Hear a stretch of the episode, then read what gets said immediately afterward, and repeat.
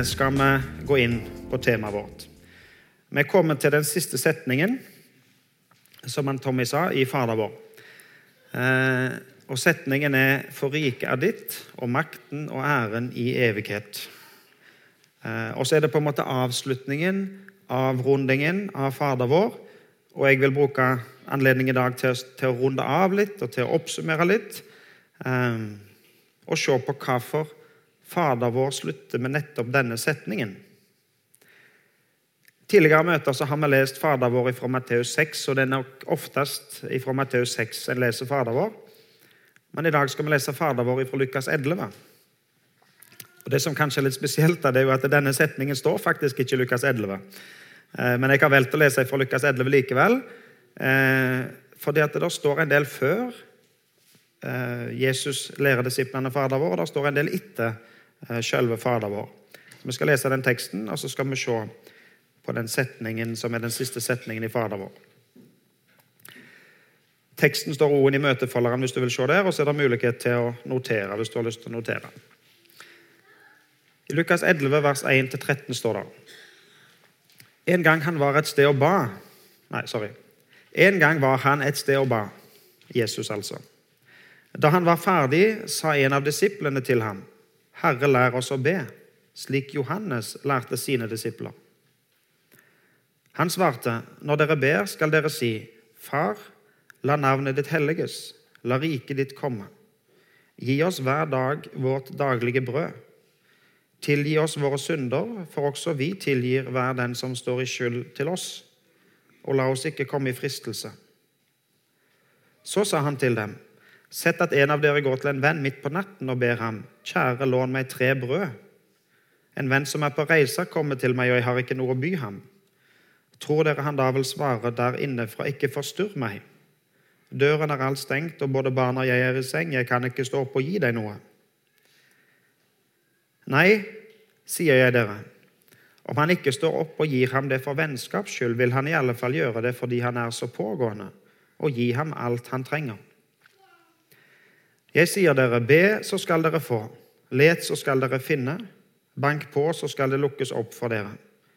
For den som ber, han får, og den som leter, han finner. Og den som banker på, skal det lukkes opp for. Finnes det en far blant dere som vil gi sønnen sin en orm når han ber om en fisk? Eller gi ham en skorpion når han ber om et egg? Når selv dere som er onde, vet å gi barna deres gode gaver, hvor mye mer skal ikke da Far i himmelen gi Den hellige ånd til den som ber Han. Skal vi be. Kjære Jesus, takk for at vi får lov å samles til møte i dag. Kjære Jesus, takk at vi skal få lov å lese ifra ditt ord og dele ifra ditt ord. Og vi ber om at du må være til stede med Den hellige ånd. Må du gjøre det sånn at vi får høre hva du vil si oss. I ditt navn. Amen. Det begynner her med å si En gang var han et sted og ba. Jesus ba. Det står faktisk ganske mange ganger i Bibelen at Jesus ba. Det står at Jesus sto tidlig opp for å be. Det står at Jesus gikk alene for å be. Det står at Jesus ba hele natta. Eh, midt i en situasjon så kan Jesus stoppe opp og be. Og så står det mange forskjellige måter som Jesus ba på. Og hvordan ba Jesus? Hvis du ser på hvordan Jesus ba, så ser du at Jesus ja, han ba både planlagt og han ba spontant. Han satte faste tider til å be, og han ba skal du si, når han kom på det, eller når situasjonen tilsa det. Jesus han ba faste bønner. Det står f.eks. at han ba takkebønnen for måltidet, sånn som vi ber for maten når vi ber for maten. Og han ba fritt formulerte bønner, som han ikke hadde skal du si, skrevet ned eller lært seg utenat på forhånd. Jesus ba alene, og han ba sammen med andre. Han ba når han var i sorg og angst, og han ba i glede. Han ba for seg sjøl, og han ba for andre. Han ba lovprisninger til Gud og takkesanger til Gud, og han ba når han var i nød, i sorg og klagerop til Gud. Jesus ba på mange forskjellige måter. Jesus eh, lærte ikke oss at hvis du skal be, så må du gjøre det på et fast klokkeslett og på en fast måte, en fast form. Eh, men Jesus han, han ba til faste tider, og så ba han òg spontant. Og han ba både faste bønner og fritt formulerte bønner. Og så kan vi jo spørre sjøl hvorfor trengte Jesus å be, da? Han var jo Guds sønn. Han var jo Gud. Hva behov hadde Jesus for å be? Jo, Jesus hadde behov for å be, for han hadde behov for å være i dialog og relasjon med sin far. Han måtte ha kommunikasjon med sin far. Han måtte få lov å være i lag med sin far. Han måtte få lov å være nær sin far og få lov å snakke med og få lov å eh, uttrykke seg og få lov å motta ifra sin far oppleve omsorg og nærhet og relasjon med sin far. Og når Jesus hadde vært på det stedet og, og bedt, og han var ferdig, så sa en av disiplene til han, 'Herre, lær oss å be.' Lær oss å be.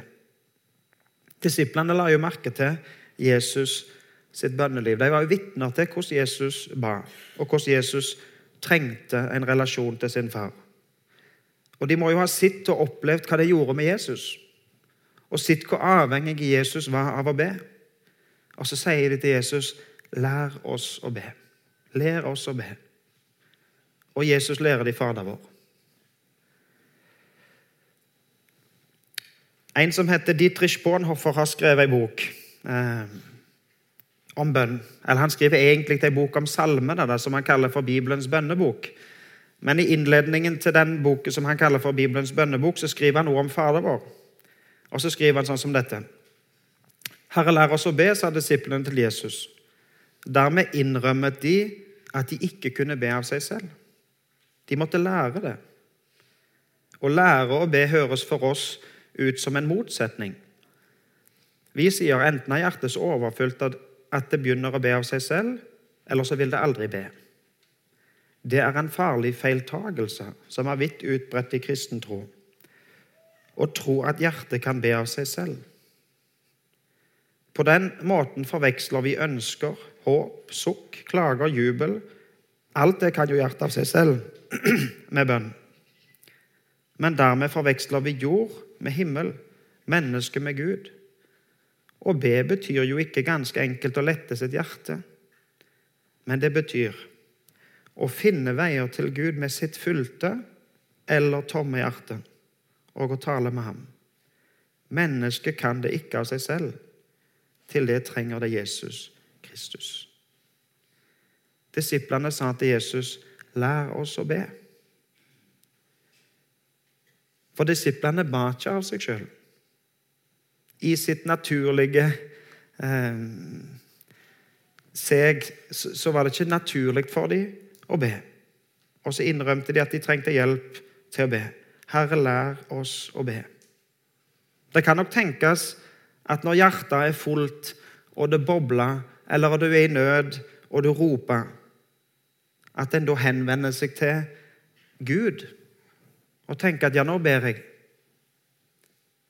Men da sier Bornhoffer her at da forveksler vi eh, jord med himmel og menneske med Gud. For å be betyr ikke ganske enkelt å lette sitt hjerte. Det er klart Du kan lette ditt hjerte for Gud. Selvsagt ønsker Gud at du skal lette ditt hjerte for Gud. Men det er ikke, det er ikke bare det å lette sitt hjerte. Men det betyr å finne veier til Gud med sitt fylte eller tomme hjerte. Om du har et fullt eller et tomt hjerte, så må du finne veier til Gud og tale med Han. Og til det trenger mennesket Jesus Kristus. Og så lærer Jesus disiplene å be Fader vår. I dag er vi kommet til den siste setningen. For riket er ditt, og makten og æren i evighet. Hvorfor ber vi? Hvorfor henvender vi oss til Gud? Jo, her står det jo 'For riket er ditt'. Riket er hans, og makten er hans, og æren er hans i evighet.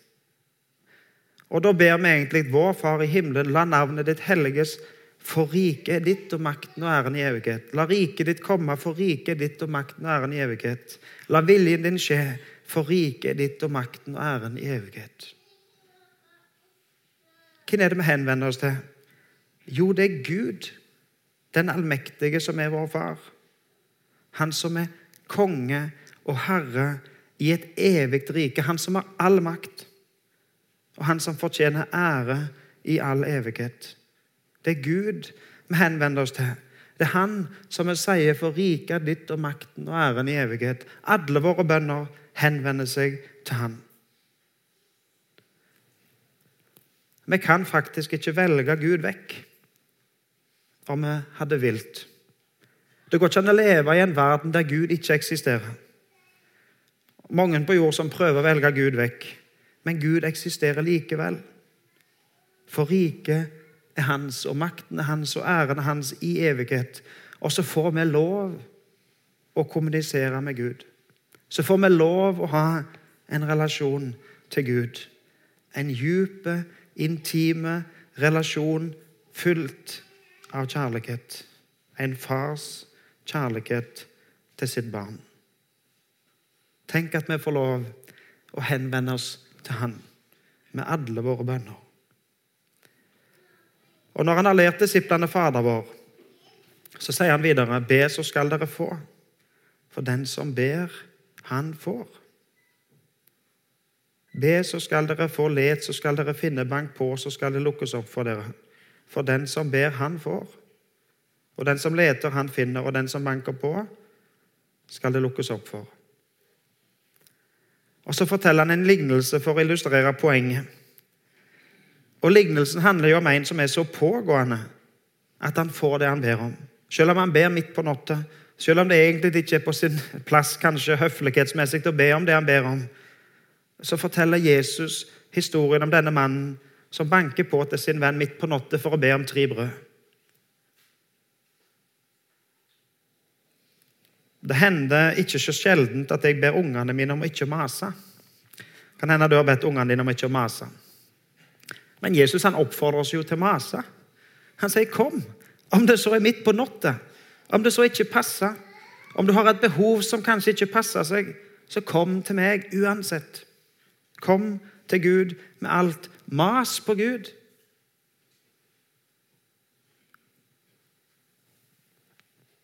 Og Nå har vi denne høsten hatt bønn som tema, og vi har vært gjennom Fader vår. Og vi har i grunnen bare så vidt streifa innom alt det som Bibelen har å lære oss om bønn. Disiplene sier 'lær oss å be'. Og vi har en Gud som vil både at vi skal be til Han, og Han vil lære oss å be. Han vil lære oss å be. Jeg har lyst til å understreke bare tre ting som Bibelen sier oss om bønn. Bibelen sier mye om bønn.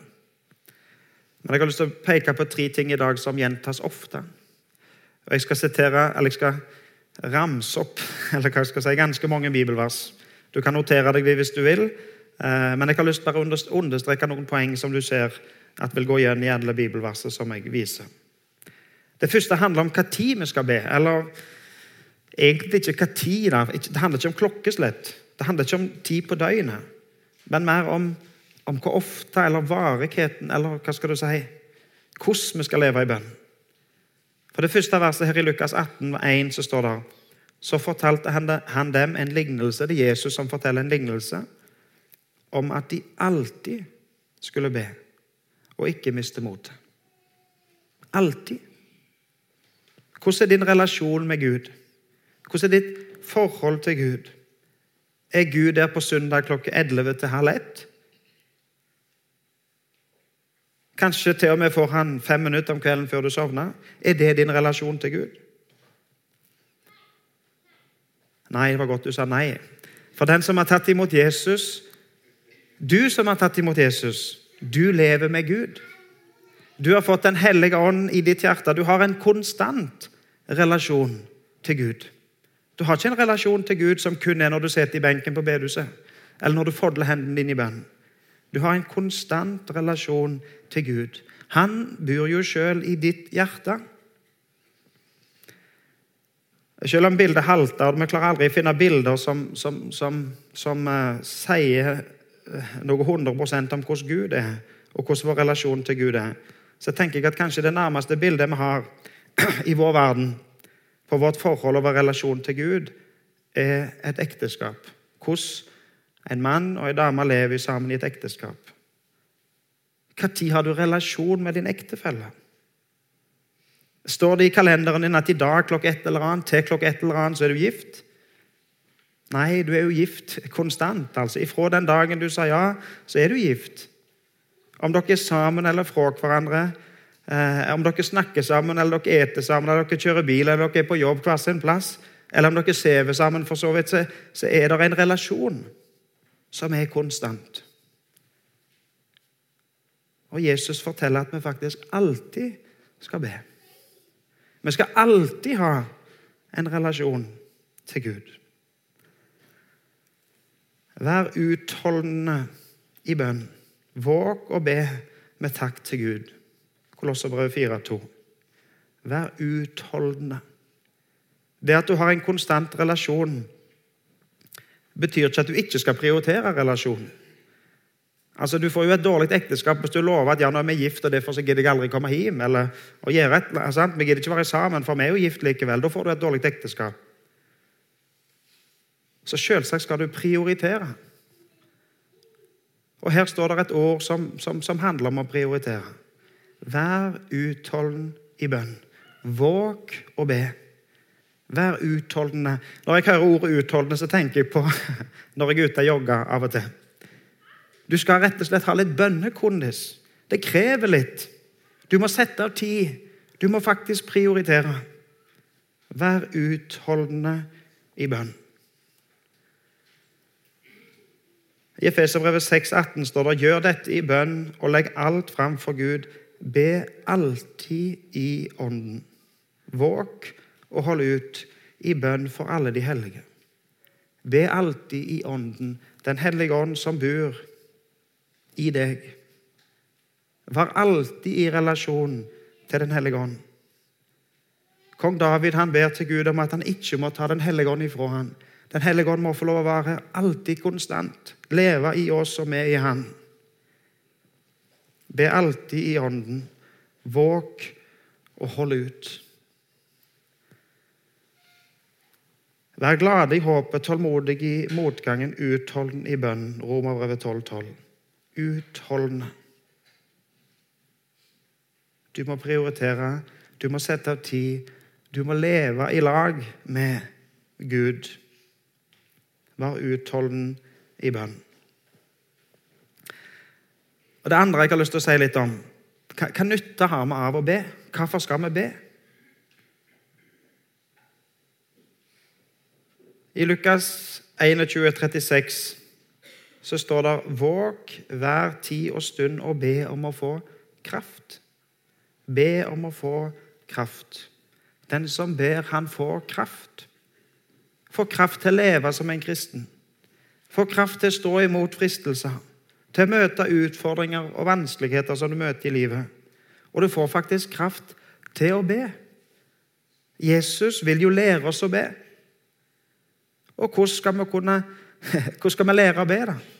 Jo, du må egentlig be om at han må lære deg å be. Og så får du kraft til ditt kristenliv og til ditt bønneliv. Og til å leve livet ditt eh, hver dag. Be om å få kraft. Paulus han sier til korinterne i 2. Korinterbrev 1,11.: Også dere må hjelpe til. Dere må hjelpe. Hjelpe til på hvilken måte da? Jo, ved å be for oss. Og når mange ber, vil takken for den nådige hjelp vi får, stige opp fra manges munn. Du må bidra. Du må hjelpe til. Du må be til Gud, du òg. Vær med. For når mange ber, når vi ber, så vil takken for den nådige hjelp som vi får, stige opp ifra mange sin munn. Be. Det står bønneemner i bønnefolderen i dag. Ta de med deg hjem. Be for disse bønneemnene. Vær med, bidra, hjelp til. Gå inn i forbønnstjeneste for andre. Og når mange ber, så vil mange takke. Romerbrevet 15, 30. Jeg ber dere søsken ved vår Herre Jesus Kristus og ved den kjærlighet som Ånden gir, kjemp sammen med meg ved å be til Gud for meg. Kjemp. Kjemp kampen. Det er faktisk en, en kamp. En åndelig kamp. Det er faktisk krefter i denne verden som vil motarbeide oss og vårt kristenliv. Kjemp. Be. Kjemp sammen med meg, sier Paulus.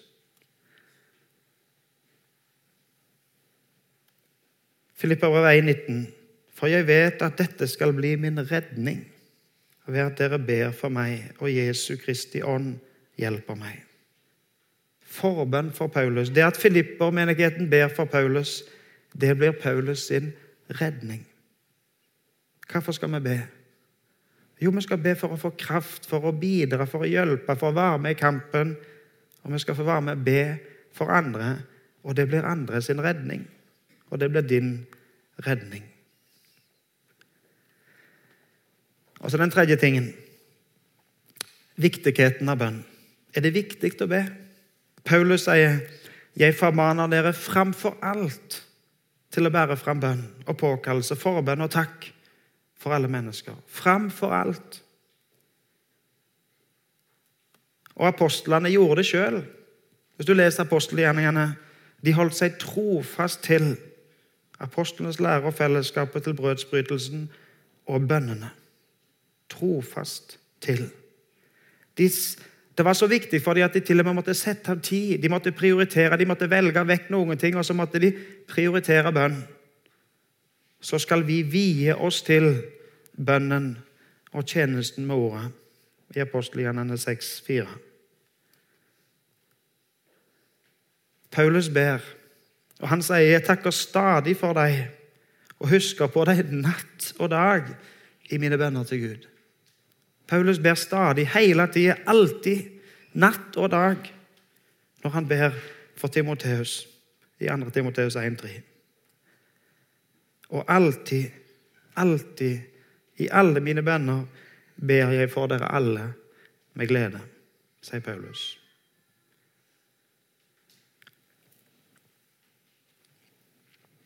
Den teksten vi begynte med å lese ifra eh, Lukas, sier imot slutten, den som står i møtefolderen deres, i vers 13, så står det når selv dere som er onde, vet å gi barna deres gode gaver, hvor mye mer skal ikke da Far i himmelen gi Den hellige ånd til den som ber ham? Den som ber, du som ber, får Den hellige ånd. For du ber til din far, du som har tatt imot Jesus, du som ønsker å leve lag med Jesus. Ja, Gud gir Den hellige ånd inn i ditt liv, til, til den som ber Han. Hvorfor skal du be, da? Jo, du må, få den, du må be for å få lov å eie få lov å lukke Den hellige ånd inn i ditt liv. For riket er ditt, og makten og æren i evighet. Er det noen av dere som har vært på Facebook eller Instagram en lørdag eller søndag når, det er fint vær? Hvis du går på Facebook eller Instagram eller sånn bildedelingsplasser når det er fint vær, så, så får du hundrevis, tusenvis av bilder av soloppgang eller solnedgang eller snø eller fint vær. jeg vet ikke hva. For eksempel forrige lørdag så tror jeg halve Karmøyene var på Sandane. For Det dukket iallfall opp ei gru med bilder fra Sandane eh, på morgenen. For det, at det var så mange som var på senderen og så hvor flott det var. Og Så tar de bilder og så legger de det ut. Og når vi opplever noe som er flott, noe som begeistrer oss, og noe som, ja, som tar oss, på en måte, så, så er vår naturlige reaksjon det er å dele. Og skryte og lovprise og framheve og si 'se hvor flott'. Og du som erfarer Guds kjærlighet og Hans nåde, du som ser hvor stor Han er Din naturlige reaksjon blir å opphøye Han, lovprise Han og si 'Riket ditt, makten er din, æren er din' i evighet for riket er ditt. Makten er din, og æren er din. Nå nærmer vi oss jul. Og Når vi nærmer oss jul, og når vi kommer til jul, så synger vi 'Ære være Gud i det høyeste'. Ære være Gud i det høyeste. Han som har æren i all evighet.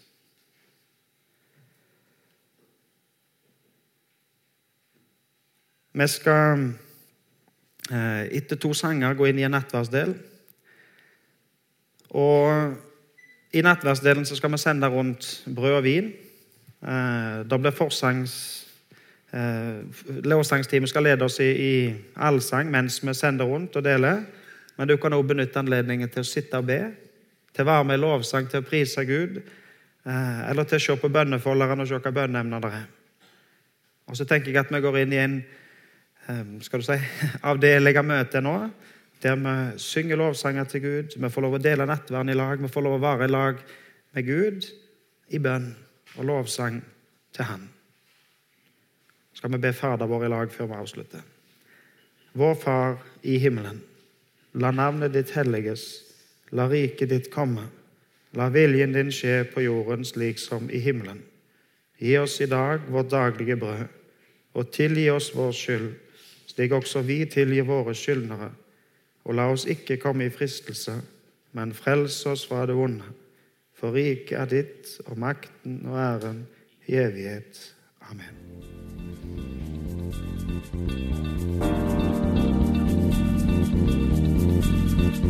you.